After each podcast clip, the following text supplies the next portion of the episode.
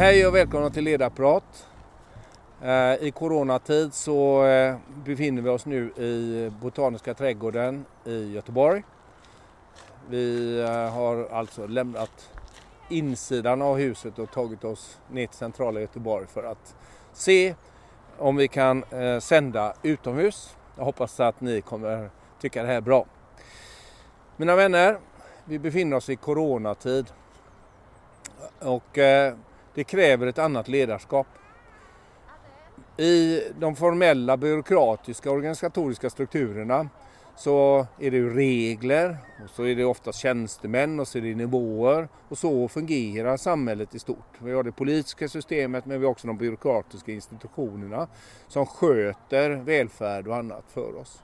Och vi ser nu här hemma hur det snabbt monteras ner och avvecklas regler tillfälligtvis eller permanent så i de strukturer som vi är så vana vid. Vi uppmanas i ledarskapet av våra politiker att vara effektivare, jobba mer agilt, att komma snabbare till resultat för att rädda människoliv. Hur påverkar det nu ledarskapet i de privata företagen? Eh, jo, i dagarna så ser vi tusen och tusen och åter tusentals människor permitteras. Det är en helt exceptionell eh, eh, reaktion som vi aldrig i mänsklighetens moderna historia har sett närheten av. Så vad är det då för typ av ledarskap? Ja, när vi blir attackerade som människor och grupp från utsidan, vi har alltså en yttre fiende i form av krig eller farsoter på något sätt så går vi samman. Så som genetiska flockdjur så går vi alltså samman. Medan i, i dagsläget har vi ju en inre fiende. Alltså smittan kommer ju inifrån människan själv och drar ut.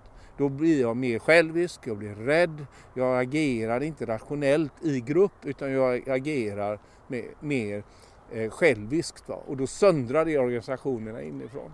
Vi ser ju väldigt tydligt nu hur eh, organisationen monteras ner i ökad hastighet i, i den här coronatiden som vi befinner oss i. Detta innebär att vi får en eh, struktur som kommer att vara förändrad i grunden.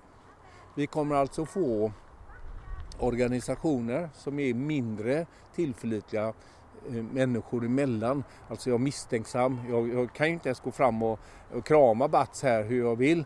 För att eh, det finns massa regler för sådant numera. Det är 50 och 50 eh, som vi får vara som mest i grupp. Eh, I vissa länder är det 2 och 2. Helt nya spelregler. Så nu när vi har denna situationen, vad är det då för ledarskap som krävs?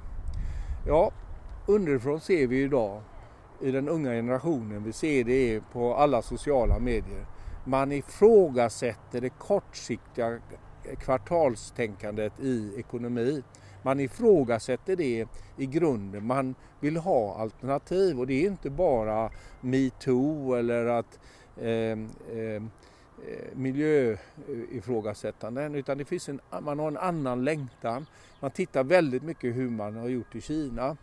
Men alla jämförelser ur ett demokratiskt perspektiv. Att titta bara så, ja ah, vi gör som i Kina så blir allting bra. Titta vad bra de är, titta vad de fixar till och med Corona här va, det är noll fall rapporterade och så vidare. Ja, men vi har inte ett kommunistiskt parti i vårt land som är inne i alla detaljer i våra samhälle. Vi är inte vana vid att hantera den typen av frågor på det sättet. Men en sak finns gemensamt i denna längtan om förändring av ledarskap. Det är långsiktigt tänkande. Långsiktiga hållbara strategier. Och det tror jag kommer vara resultatet av eh, Corona när det väl är över. Det vill säga vi får mindre byråkratiska strukturer i våra organisationer. Vi kommer få mer agilitet, alltså mera förändringsbenägenhet i de strukturer vi har och vi kommer ha eh, andra ekonomiska strukturer som gör att man vill inte att det ska vara kortsiktiga ekonomiska quick fix och profitability. Man vill att staten och organisationer tar hand om oss medborgare lite bättre över tid. Det här var eh, lite kort, dramatiskt eh, men i coronatid så får vi vara pragmatiska. Nästa gång så kommer jag prata om olika organisatoriska strukturer. Hej då! Keep in touch!